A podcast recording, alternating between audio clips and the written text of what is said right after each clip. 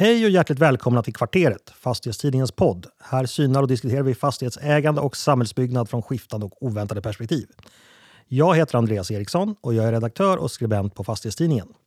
Och idag hade jag tänkt att vi ska titta tillbaka på vår gemensamma historia och fundera på vad den har gjort med våra hus och fastigheter.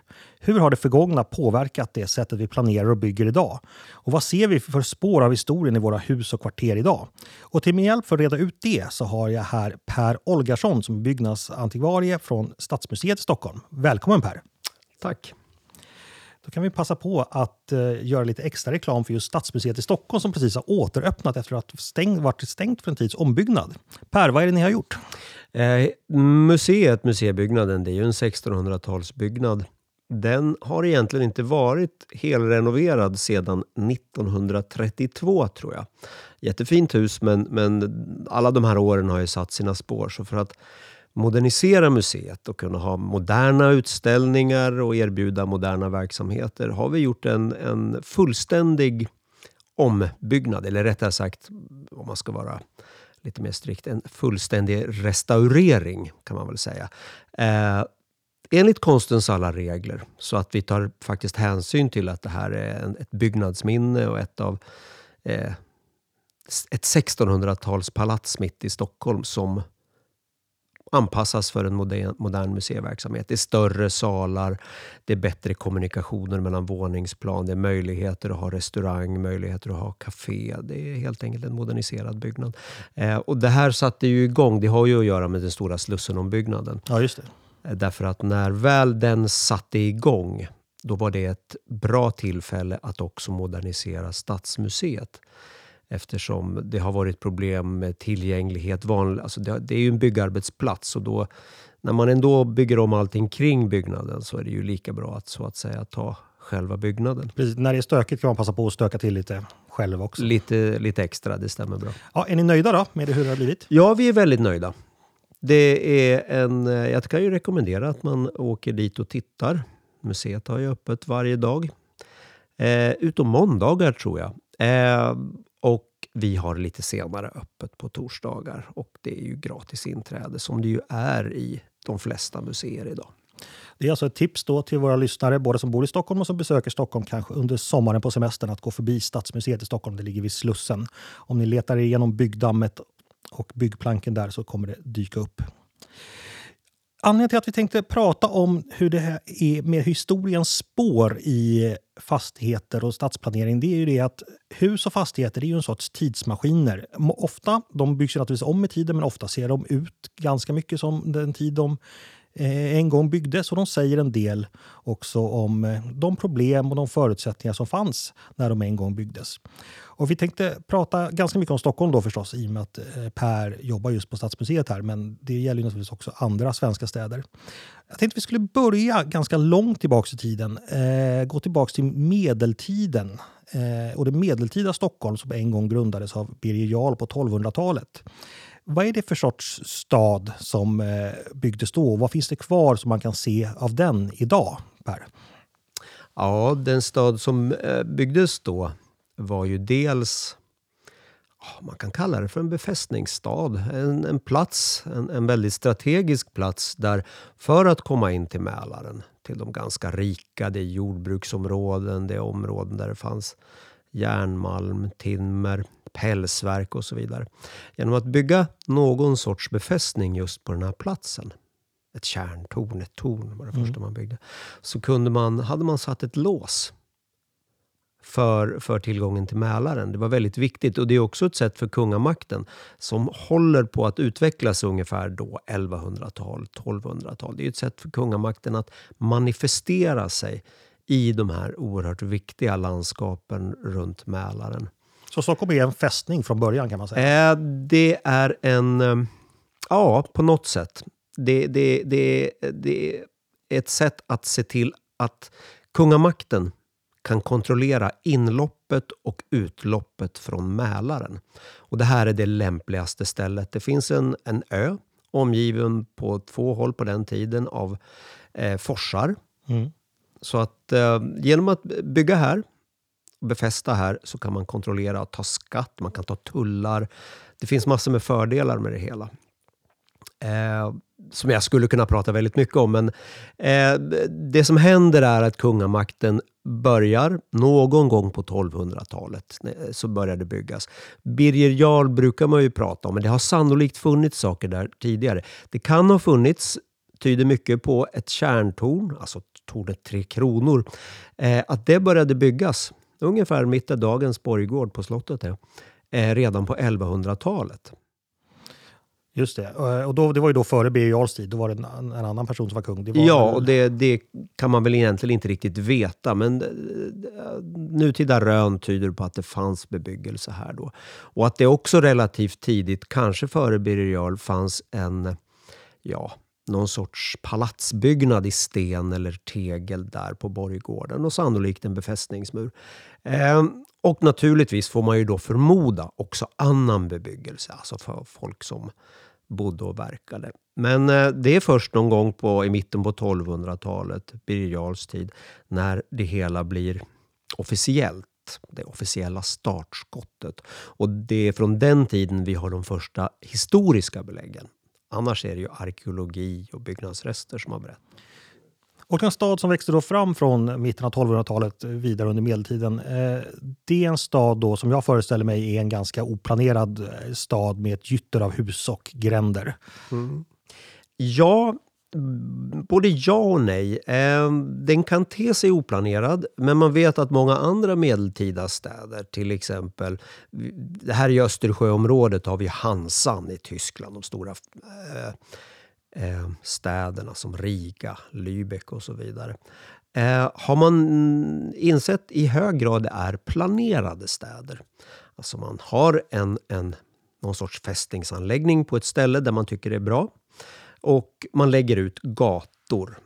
Och de gatorna, eh, i alla fall i de centrala delarna, de, de planeras av någon sorts centralmakt, av staden eller kanske en furste eller en kung. Sen bebyggelsen som kommer där, den får enskilda personer stå för. Och den blir ju eh, oplanerad. Om man säger det så. Ja, det finns inga typer av bygglov eller någonting vid den här tiden. Utan har man en bit mark så bygger man som man vill ungefär. Man bygger som man vill men det finns ju också idéer från stadens sida. Så du, Alltså, det finns ju ganska tidigt från 1300-talet regler om vad som får byggas och inte får byggas eh, id, vid och på gator. Man, det förekommer tydligen eh, rätt tidigt att folk på eget bevåg sätter upp skjulbebyggelse av olika slag i gränder och på gator. Och det där reagerar man ganska kraftigt emot från stadens sida och förbjuder det i stadgarna för stan. Bygg på era tomter, men låt inte det byggda gå ut över gatorna.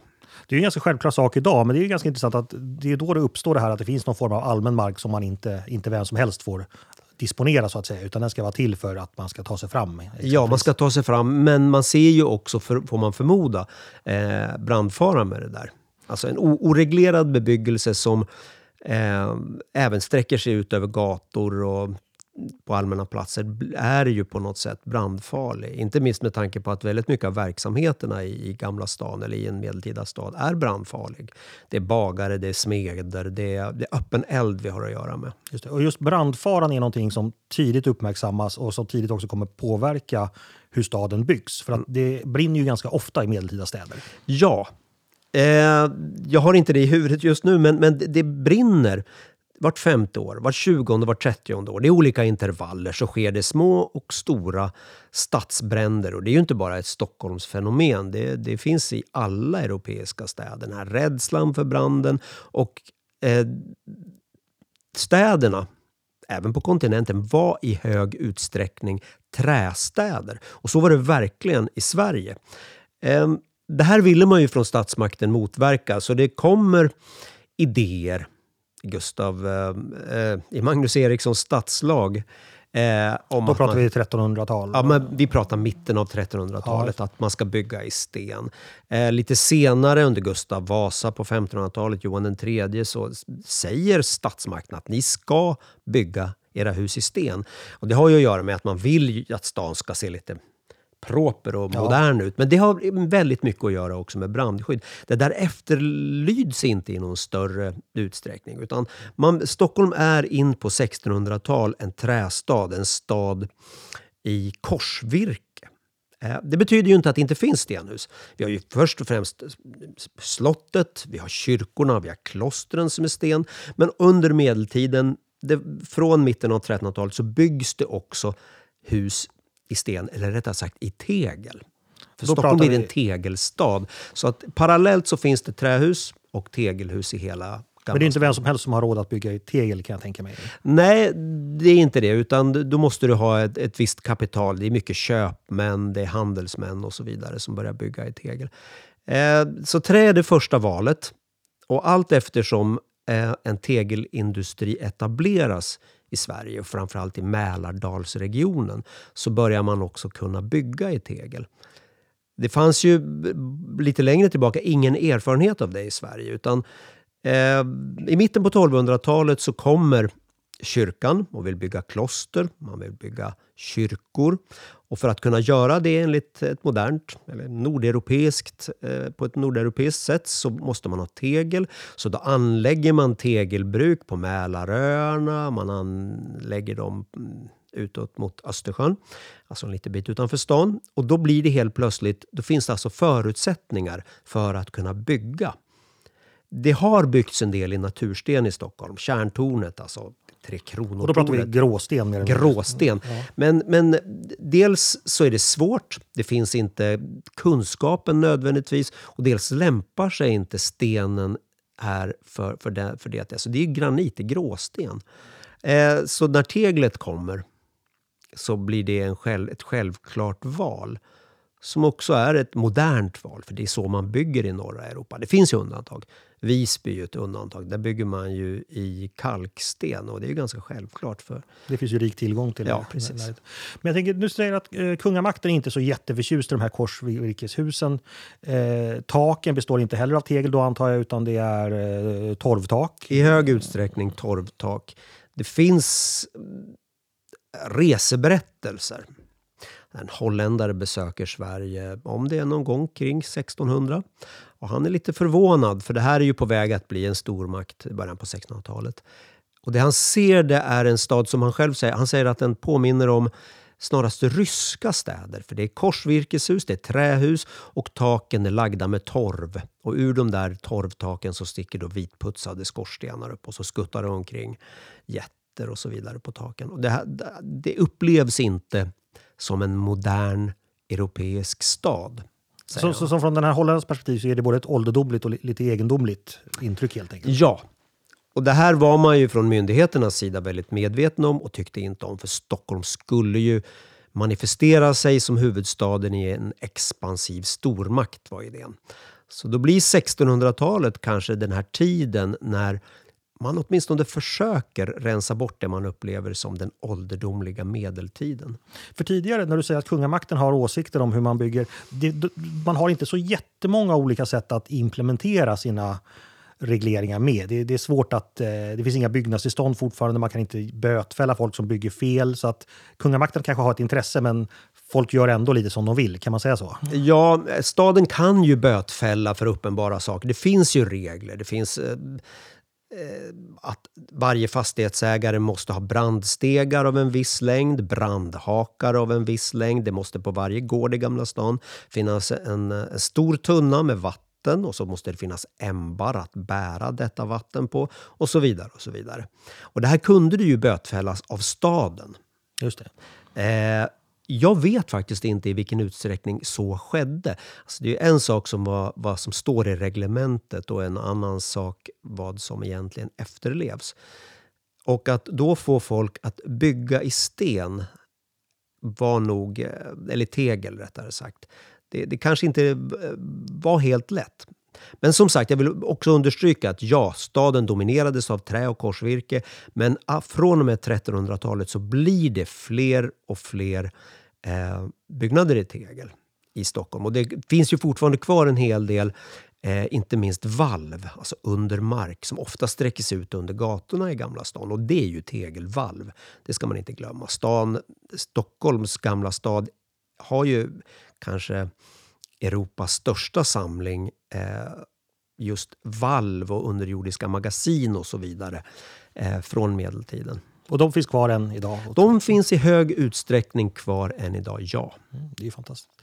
Men så kommer vi då till 1600-talet och Sverige växer ut till stormakt. Eh, Axel Oxenstierna skapar en modern administration och det sker väldigt mycket i Sverige. Och då börjar då också staden regleras på ett nytt sätt.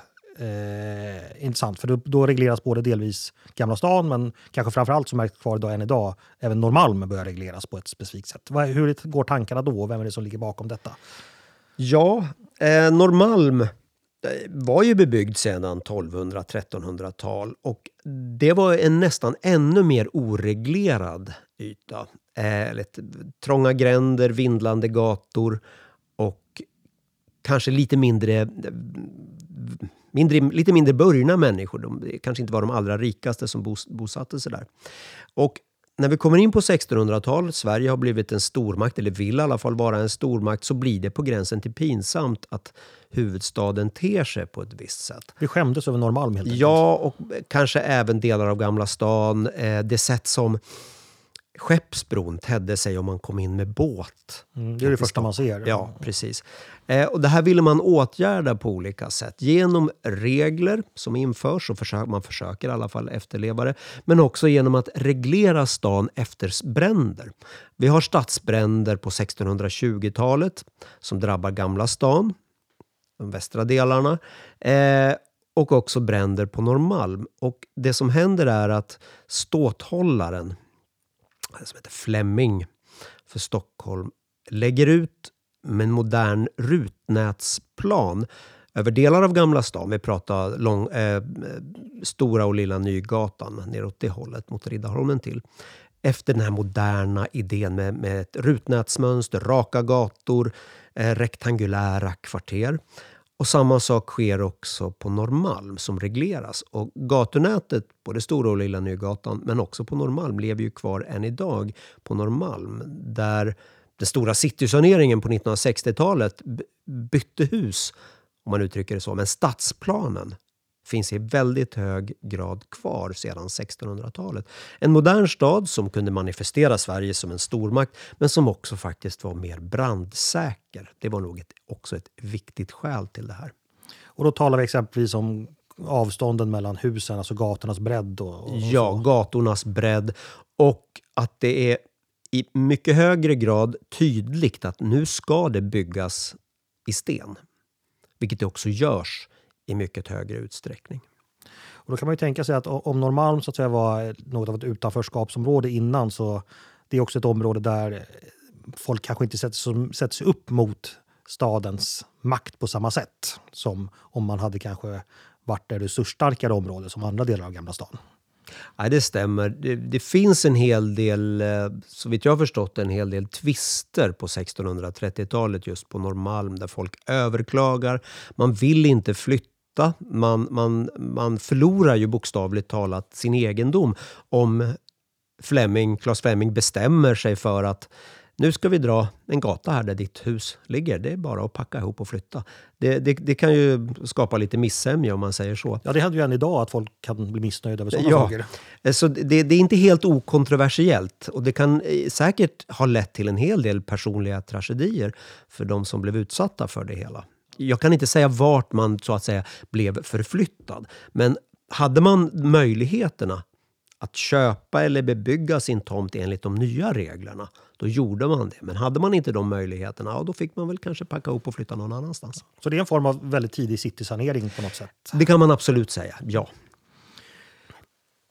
Eh, ja det är otroligt intressant. Vi har ju väldigt många år att gå igenom. Eh, det Stockholm som byggs på 1600-talet, det är Eh, vi kan man bara kort säga att man kan ju se än idag på en karta över Gamla stan den här nya regleringen du pratar om att den delen av Gamla stan som ligger västerut, det vill säga närmast tunnelbanan kan man säga, Stora och, nya, Stora och Lilla Nygatan. Ja, den heter väl Nygatan för det var nytt då? Ja, precis. Eh, är reglerat enligt den här utnätsplanen. Medan eh, den andra delen av Gamla stan som ligger österut mot Saltsjön har ju kvar något av det här gyttret. Eller så tolkar jag det i alla fall. Att när man tittar på det från ovan, så att säga, de här trånga gränderna ner mot Skeppsbron.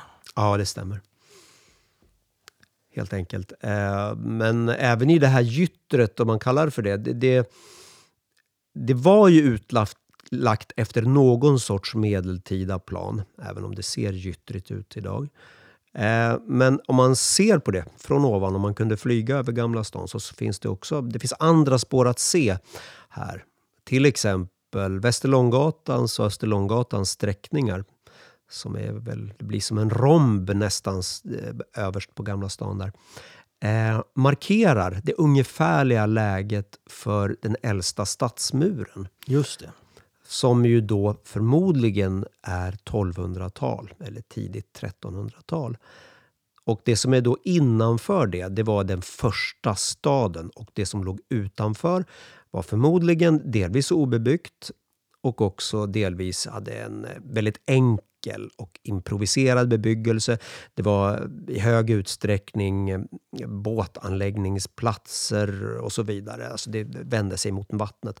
När vi kommer in på 1300-talet, då är Stockholm är en väldigt expansiv stad en handelsstad och då behöver man mer mark. Så man river den gamla stadsmuren. Det finns några spår kvar, tror man sig ha sett, strax innanför Långgatorna. Och så bygger man en ny stadsmur som följer på något sätt Gamla stans yttre konturer. Men den här gamla befästningslinjen den finns fortfarande kvar alltså att säga, i gatunätet, vilket jag tycker är lite intressant. Ja, just det. För Väster och Österlånggatorna, då är alltså de gatorna som gick längs med muren helt enkelt. Ja. Eh, men så växer ju också Gamla stan av skäl att vi har en landhöjning och jag antar att man eh, fyller ut mark som ligger närmast Eh, det sker väl också en viss markåtervinning, eller mark, man, man skaffar sig mer mark genom utfyllnad helt enkelt? absolut, och det var både dels en, en, ska man kalla det för, en naturlig eller en spontan, alltså vi har landhöjning, eh, vi har, man, man slänger skräp och sopor och då blir det per automatik mer och mer land. Men det finns också en, en väldigt medveten utfyllnadspolitik. Stan behöver mer mark eh, och eh, det, behövs, det behövs mer mark och vattnet är en eh, resurs helt enkelt. Så ytorna längst ut, eh, längs med Skeppsbron och längs också med, eh, åt andra hållet, bortanför tunnelbanan in mot Riddarholmen, eh, Eh, är utfylld mark från andra halvan av medeltiden och in på 1500-1600-tal. Och där anlägger man ju längs med Skeppsbron på eh, 1600-talet inte minst långa rader av så praktfulla, eh, nästan köpmannapalats. Som ju då blir en, eh, inte bara ett, eh, mm, ja, ett sätt för folk att bo och ha sina verksamheter men också en, en fasad. Den nya stormaktsstadens fasad mot vattnet där de flesta, varifrån de flesta besökare till stan kommer. Vi ska ta ett jättehopp i tiden, för jag vet ju att eh, mycket av dina kunskaper och din expertis finns egentligen i ett annat eh, tidsepok. Eh, vi ska nämligen hoppa fram ända till 1900-talet och eh, vi lämnade precis det krigiska 1600-talet, men 1900-talet är ju en annan epok som kännetecknades av en global konflikt faktiskt, som i decennier höll stora delar av världens befolkning i skräck när två maktblock delade världen mellan sig. Med lilla Sverige mitt emellan. Och då pratar jag förstås om kalla kriget och den tidens, eh, hur det påverkade den tidens städer. Om vi skulle Per bara spontant börja berätta, hur kan vi avläsa det kalla krigets eh, stadsutveckling i staden idag? Vad, vad tänker du på då först och främst? Ja, det första eh, och egentligen det enklaste sättet att avläsa kalla kriget i Stockholm, det är ju att åka tunnelbana. Jaha. Mm. Eh, I princip alla stationer i Stockholm i alla fall de som byggdes från och med 50-talet och in på 70-talet. Här finns det ståldörrar. Man passerar en eller en annan anonym ståldörr, kanske när man går ner i tunnelbanan eller kanske när man står på perrongen. Och i väldigt många fall, i de allra flesta fall, så vetter de ner till så kallade trafikantskyddsrum. Alltså de anlades under 50, 60, 70-talet för att garantera en säker plats åt folk som var fast i tunnelbanan om ett anfall skulle komma. Eh, de kan vara ganska små, ett par 300 människor. Det finns också riktigt stora, upp till flera tusen personer.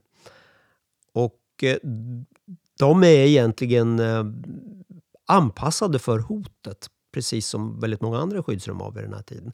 De är dimensionerade för att stå emot en kärnvapenladdning någon kilometer upp i atmosfären. Tryckvågen, skakningarna i marken också eh, eventuell eh, radioaktivitet eller stridsgas och så vidare. Eh, det är fullt utrustade skyddsrum som skulle garantera folks säkerhet. För det var vad man räknade med, alltså ett kärnvapenanfall mot Stockholm och Sverige. Det var det planeringen utgick ifrån. Ja, man kunde i alla fall inte utesluta den möjligheten. Mm. Och då ansåg man ju, och det är väl helt rimligt, att man vid såna här sorters planeringar så då ska man planera för det värsta tänkbara scenariot. Det är ett rimligt sätt att sköta planering så att säga. Eh, och vid en eventuell stormaktskonflikt så skulle ju Sverige, i teorin i alla fall, vara neutralt. Men man räknade med, och det har väl visat sig efterhand vara en ganska rimlig, rimligt resonemang med att eh, en av stormakterna skulle försöka ta sig igenom Sverige på ett eller ett annat sätt för att komma till Atlantkusten. Eh, och hur gör man en sån sak? Eh, löpte resonemangen. Jo, genom att förlama den svenska motståndsviljan. Och det kan man då göra genom att slänga ett par kärnvapen på viktiga strategiska punkter. Som storstäderna? På storstäderna, eh, på, på betydelsefulla eh, infrastrukturpunkter och så vidare. Och Stockholm var i allra högsta grad ett sådant mål. Och man kallade Stockholm, det var ett av Sveriges första gradsmål som, som den beteckningen var inom civilförsvaret. För det här är ju på 50-talet och andra världskriget är ju i, i väldigt nära minne. Eh, och de bombningar som skedde då. Eh, I Europa släpptes ju inga atombomber men det var ju fruktansvärd förödelse av bombningar exempelvis i Hamburg och Dresden där det utbröt så kallade eldstormar som som förstörde väldigt mycket av de städerna. Och det har jag förstått att det har också påverkat en del hur man har tänkt kring när man har planerat Stockholm. Ja, eh, jag har hittat, gått igenom en hel del arkiv i mitt jobb. Och en väldigt intressant sak jag hittade i Länsstyrelsens arkiv, det var en stor och tjock och väldigt väl illustrerad med foton. Rapport från Hamburg. Den var gjordes av de nazistiska myndigheterna 1943 efter att eh, Storbritannien anföll Hamburg i juni 1943, den så kallade Operation Gomorra. När tiotusentals människor brändes levande i historiens första eh, eldstorm skapad av människan. Och en eldstorm ska vi förklara att rent fysiskt så handlar det om att en brand som är så intensiv så att den suger in syre från sin omgivning. Så, att säga. Ja. Så, det skapas enorma vindar och naturligtvis oerhört svårt att släcka. Mycket, mycket svårt att släcka och det det utsläcker i princip allt liv där, där den här eldstormen finns. Den här rapporten som jag hittade den har på några vägar kommit till Sverige och finns då 1946 eh, i, i Länsstyrelsens arkiv och illustrerar hur man såg eh, hoten mot Stockholm. Eh, man tänkte sig att Stockholm, framförallt Norrmalm, då, Gamla stan, hade en struktur med bebyggelse och gator som påminner väldigt mycket om till exempel Hamburg. Och vad skulle då hända om Stockholm blev anfallet på samma sätt som Hamburg med konventionella brandbomber? Jo, man räknade med att stora delar av innerstan skulle drabbas av en så kallad eldstorm. Och Det finns kartor, man uppgjorde kartor över stan och då ser man att stora delar av innerstan är markerad med rött. Och sen förklaringen till den här röda färgen då står det område inom vilket det bedöms finnas stor risk för eldstorm vid anfall av, med konventionella vapen. Ja, just det. Och det här ska man då hantera på olika sätt. Eh, ett sätt är ju att sanera bebyggelsen. Så den här stora cityomdaningen, alltså rivningarna är klara, som i första hand hade andra skäl. Man ville ju göra en modern stad, det handlar om tunnelbana som ska dras fram, det är gator, det är slumsanering och så vidare. Men till det kommer en åsikt att den gamla city, det gamla Klara, helt enkelt är en risk i händelse av krig. Så till alla de andra orsakerna kommer också den här rädslan för eldstormen som varför man ansåg sig vara tvungen att sanera, att riva Klara-kvarteren. Det är väldigt intressant. Det är, någonting som inte, är det här någonting du har upptäckt själv? För det har inte diskuterats så jättemycket vad jag vet. Nej, jag har, sett, eh, jag har läst om det i efterhand men det här var en slutsats som jag i princip kom till själv. Därför att man säger eh, i de här utredningarna, det är Civilförsvarsstyrelsen, det är dåvarande Länsstyrelsen i Stockholm, så säger man att de här delarna behöver saneras för att kunna stå emot ett anfall bättre. Det här med skyddsrum, det är ju någonting som eh, finns lite här och var i, i landet. Det var väldigt viktigt när man byggde under kalla kriget att det skulle finnas skyddsrum för folk som skulle bo i de nya husen. Kan du berätta någonting om det? Ja, redan från 30-talet då har man ju exemplen i spanska inbördeskriget, Guernica, när man bombade Guernica. Så börjar man dra öronen åt sig. Så de första lagarna som styr, det kallades för luftskydd då, det kommer 1938 och sen accelererar det där förstås under andra världskriget. Och då bygger man en hel del offentliga skyddsrum, till exempel under Hötorget som ska stå emot, säger man då, eh, ett anfall med bomber. Och då talar vi om mycket stora skyddsrum också? Ja, mycket, mycket stora skyddsrum. Så, så det börjar byggas under andra världskriget och en hel del ledningscentraler för civilförsvaret börjar också byggas runt om i stan. Eh, men någonting som fortfarande finns kvar eh, delvis, det är att det kommer också en regel att alla fastighetsägare i Stockholm är tvungna att anpassa till exempel källare för improviserade skyddsrum. Man ska alltså sta staga upp och inreda enligt vissa regler. Eh, skyddsrum för kanske 10 personer, för kanske 50-100 personer. Och de där anläggs i hundratal över hela stan. De där blir ju relativt snabbt omoderna. Så efter andra världskriget så kommer det nya regler på 40-talet som säger att alla nybyggda hus i eh, tätorterna, Sveriges tätorter, måste vara försedda med skyddsrum som ska då uppfylla vissa normer. Så hittar vi ett hus i en valfri svensk stad eh, från säg 50-talet så finns det ett skyddsrum i källaren idag, ofta idag använda som förråd kanske. Och de är då byggda för att de ska klara av att huset ovanför rasar in de är byggda så att de ska kunna skydda mot radioaktivitet. För radioaktivitet stoppas ju upp och bromsas upp om man uttrycker det på det sättet av betong. Ja, så relativt tjocka betongväggar är ett bra skydd.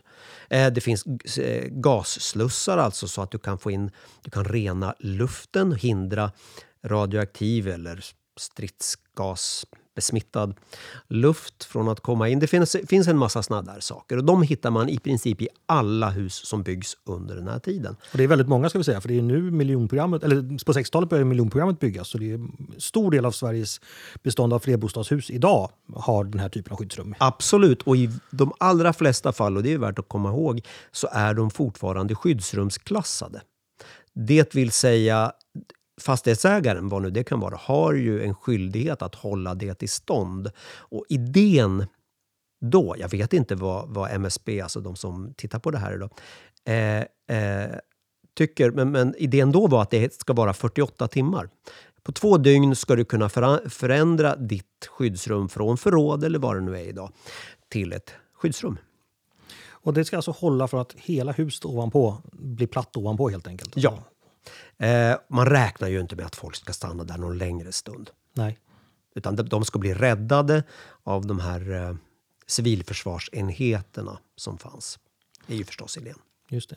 Och när det gäller civilförsvaret så vet jag att eh, du har tittat en del på att det fanns en del eh, saker som man fortfarande kan se i Stockholm idag när det gäller civilförsvarets organis organisation. Mm. Det byggs under andra världskriget och det moderniseras sen ett stort antal ledningscentraler för civilförsvaret. Och de där får kodnamn, eller täckbeteckningar som man kallar det för, på 40 och 50-tal. Och det är blomnamn i första hand. Så vi har eh, ledningscentralen Liljan, det finns Hästhoven, det finns Pionen, det finns Violen och så vidare. Det är en 12-13 stycken som byggs. Och på 50-tal och sen på 70-talet så moderniseras de här så att de blir kärnvapensäkra. Och det här, och då får de också beteckningen FE som betyder framskjuten enhet.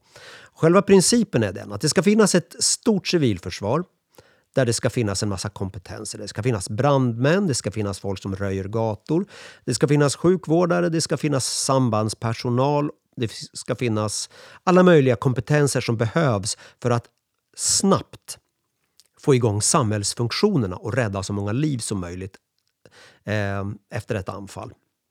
Och de måste ju ha någonstans att vara. Och då bygger man de här ledningscentralerna. Och de består dels av en, en eh, uppställningsplats för fordon. Så att eh, de här anläggningarna, det är långa tillfartstunnlar. Ja, precis. De ligger under mark. De, de ligger under mark, oftast under berg, för det blir ju billigare och mycket smartare att bygga under en befintlig bergknalle än att gräva rakt ner i marken. Så de finns. Till exempel har vi ett exempel i stan, ett perfekt exempel, kallades för Pionen. Ligger under eh, Sofia kyrka, Vita bergen. Idag är det här en serverhall. Det är en av de som har blivit avsålda, men principen fortfarande är kvar. Det är en lång infartstunnel. Längst ner finns det ett eh, kryssformat ställe med tunnlar och där ska du då ställa dina fordon, var tanken. Brandbilar, bulldozrar och så vidare. Och så vinkelrätt mot det finns det också ett så kallat skyddat utrymme med tjocka betongväggar och med serier av betong och stålportar. Och där skulle då upp till 90 personer vistas, sova, äta och få sina order och kunna kommunicera med omvärlden. Skulle ett anfall ske så skulle de vänta där och direkt efter anfallet ta på sig skyddsdräkterna, hoppa in i fordonen som man då förmodligen spolar av eller borstar av. Och så ut på gatorna och sätta igång och rädda liv, röja gator, stänga av gasledningar, stänga av vattenledningar och så vidare. Och Det här var då det första som skedde. Och Sen skulle det också komma in stora, stora styrkor, civilförsvarsstyrkor från omlandet. De men... riktig, riktiga för civilförsvaret det var då placerat ute i skogarna runt om Stockholm och de skulle då rycka in i Stockholm efter anfallet. Men det första som skedde det var att de här relativt små FE-styrkorna inleder räddningen. Just det, de befinner sig hela tiden under mark. Och de är alltså då ganska jämnt spridda över stan så att de kan ha, ha ett avdelat område runt sig så att säga. De tar hand om. De är jämnt spridda över mark och som jag sa, de, de är de här, det är ju normer för allting och de ska tåla att man smäller av ett, en vätebomb en kilometer upp i atmosfären. De klarar inte av en markdetonation. Men de klarar av det man räknade med, nämligen att ett kärnvapen briserar en bit ovanför markytan. Det är ju fantastiskt intressant där.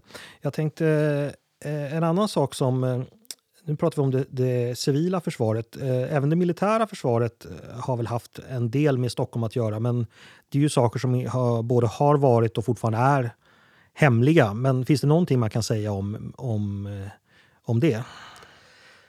Ja, det som jag kan bäst, Stockholms kommun, där utrymdes det militära successivt under efterkrigstiden. Man flyttade ut det till andra platser. Det mest kända är väl den här stora marinbasen, Skeppsholmen. Där det Just fortfarande det. finns tunnlar, man har utställningar och så vidare som är skyddsrum som hade att göra med den här marinbasen. Men dess verksamhet flyttade ut på 50, 60, 70-tal eh, ut i skärgården, till exempel till den stora Musköbasen. Just det. Som övertar, övertar den här rollen. Sen finns det ju andra rent försvarstekniska saker i Stockholms innerstad. Och förmodligen är, är de sakerna delvis fortfarande sekretessbelagda. Precis, för att tanken var ju vid händelse av krig var ju att mycket av statsledning och säga, skulle ju flytta från Stockholm så fort kriget bröt ut till andra platser runt om i landet. Så att man skulle inte vara kvar i Stockholm. Nej, idén under hela kalla kriget för Stockholm är att Någonstans runt 90-95 procent av alla människor stadsledning, kommunledning men också vanliga människor skulle evakueras. Så att det fanns ett mycket, mycket noggrant utbyggt system där man visste precis vilket tåg man skulle ta och man visste vilken plats man skulle till. Eh, kunde vara en kommun i norra Värmland, för att ta ett sådant exempel. Och då visste man i den kommunen exakt hur många människor som skulle komma, eh, med vilka intervaller de skulle komma. Och idén var att man fick en förvarning att kanske ett anfall, världsläget är känsligt. Och då har man sig 48 timmar på sig. Då utrymmer man Stockholm och kvar i Stockholm skulle efter en så kallad totalutrymning det bara finnas någonstans runt 80 000 människor, kanske upp till 100 000 personer. Och de 100 000 personerna de skulle rymmas i de befintliga skyddsrummen. Jaha. Det är ju helt fantastiskt. Så att skyddsrum, alltså, Stockholm är ett lite speciellt exempel. För eftersom man räknade med att Stockholm var ett så kallat första gradsmål så såg man mellan 1956 och 1976 ingen mening med att just i innerstan i Stockholm bygga de här små skyddsrummen. Så letar man i ett 60-talshus i innerstan så hittar man inget skyddsrum i källaren. Ja, varför då? Det byggdes ju likadana precis över hela landet. Jo, därför att man räknade med att Stockholm skulle bli anfallet med kärnvapen. Och man räknade med att Stockholm skulle bli i princip helt och hållet utrymt. Och man räknade med att de som var kvar de skulle få plats i de stora befolkningsskyddsrummen som ju kanske är de mest fantastiska resterna av det kalla kriget som finns i den här stan. Eh, de fyra stora befolkningsskyddsrummen är Katarina, Klaragaraget eller Vattu-skyddsrummet, eh, Johannesskyddsrummet och eh, Skravelberget. Fyra stycken jättelika kärnvapensäkra skyddsrum i centrala Stockholm med, upp till, med plats för upp till 20 000 människor. Där skulle stordelen av den här kvarvarande befolkningen rymmas. Ja, det var ju väldigt intressant. Så alltså, Stockholm var alltså, Stockholms innerstad var alltså undantaget från det här med de små skyddsrummen i, i nybyggnation? Ja. Jaha. Det är väldigt intressant. Du, eh, tiden går och det är mycket vi ska prata om. Ja. Det är ytterligare en sak jag har funderat lite på eh, som jag vet att du också har, eh, vet en del om. Och det gäller det här med eh, kalla kriget. Vi kommer då fram så småningom till 70-talet och då, det som händer då är ju oljekrisen som mm. också är en världskris på sitt sätt och vis. Som också kommer att påverka hur våra hus och byggnader ser ut. Eh, för då är det nämligen så att helt plötsligt blir oljan väldigt dyr och det anpassar sig samhället till ganska snabbt. Kan du bara nämna någonting om det också? Ja, oljekrisen kommer ju 73-74 i spåren efter det här. Det är väl Jom Kippur-kriget. Just det, oktoberkriget 73. Precis, när OPEC-länderna helt plötsligt höjer råoljepriset extremt mycket. I princip som en bestraffning mot de länder som stödde Israel i kriget.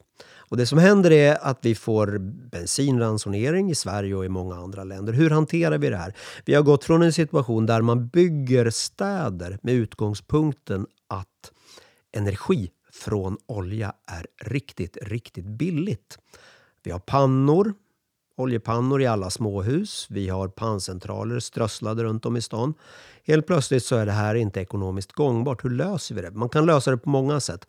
Ett sätt att lösa det på är att i nybyggnation och när man bygger om eh, ersätta de här oljepannorna som ger då elen med direktverkande el. Så hittar man en 70-talslägenhet med de här ja, elementen med strålningsvärme så att säga, så är det ett spår av oljekrisen. Därför att samtidigt som eh, oljan blir dyr så blir, delar, så blir elen billigare eller mer lättillgänglig därför att nu har kärnkraften byggts ut i Sverige. Just det, det så det här att man hittar de här direktverkande elelementen är på ett sätt ett, en spår av oljekrisen.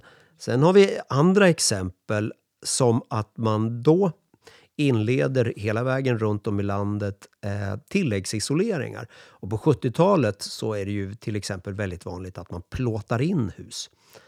Eh, inte minst i Norrland så sker det väldigt mycket sånt. På västkusten där har vi också ett ganska lite hårdare klimat, mycket regn och så. Men man, man tilläggsisolerar med plåt och stoppar guldfiber emellan. Eh, med en, och när man gör det på gamla hus så har ju det, får ju det konsekvenser därför att det är ju kåkar som oftast är byggda med självdrag. Och när de tilläggsisoleras på det här sättet så försämras ju ventilationseffekterna. Eh, och då får vi både i tilläggsisolerade hus men även i nybyggen det som då kallades för eh, ja, de sjuka husen. Ja, alltså, vad innebär det? Ja, att folk upplevde mögelproblematik, eh, allergier, sjukdomar som då sades, jag vet inte, det, det var säkert så, som sades vara en direkt följd av den försämrade ventilationen. Eh, och i nybyggen så yttrar det här sig till exempel i minskade fönsterytor. Alltså på 60-talshus så har man väldigt generösa fönster ofta. Det är en av de här sakerna, de här eh, sakerna som, som lyftes fram som en del av den goda bostaden. Alltså, ljuset kommer in. Precis, ja. man ska genomspola lägenheterna med ljus. På 70-talet så, så snörps de där åt och vi får under en period, 70-tal, början på 80-talet, ofta väldigt, väldigt små fönsterytor som ett sätt att spara energi. För fönstren var svåra att isolera helt enkelt. De var svåra att isolera. Sen kommer vi in lite senare, 80-tal, 90-tal. Då finns det helt plötsligt teknik för att eh, ha stora fönster igen som ändå är energisnåla så att säga. Så då kan fönsterytorna börja expandera igen. Just det. Men vi har då en period på något decennium ungefär då fönstren helt enkelt krymper Ja. på grund av em, eh, att man vill spara energi. Den, ja, det, här, det, yttre, det, det speglar ju sig på många sätt småhusbyggandet. Att man går från att bygga småhus med ganska platta tak till att bygga eh, Eh, hus med, med de här stora, väldigt mm, överstora taken på småhusen från 70-talet. Det är ju delvis eh, för att spara energi, för det är helt enkelt mer energieffektivt än ett platt tak. Just det. Ja, det finns så många exempel på det här hur varje epok eh, ger, sätter sina spår i hur, hur vi bygger våra hus och det som blir kvar till framtiden. Och även den tid vi lever i nu kommer förstås att efteråt kunna avläsas i hur vi bygger våra hus och eh, byggnader. Du ska ha stort tack Per. Det var jättetrevligt att ha dig här. Eh, eh, det finns, känns som det finns hur mycket som helst att, att prata om. Men det, ja, stort tack att du kom. Varsågod. Eh, Du har alltså lyssnat på Fastighetstidningens podd Kvarteret. Jag heter Andreas Eriksson och eh, ni är varmt välkomna att lyssna igen. Hej för idag!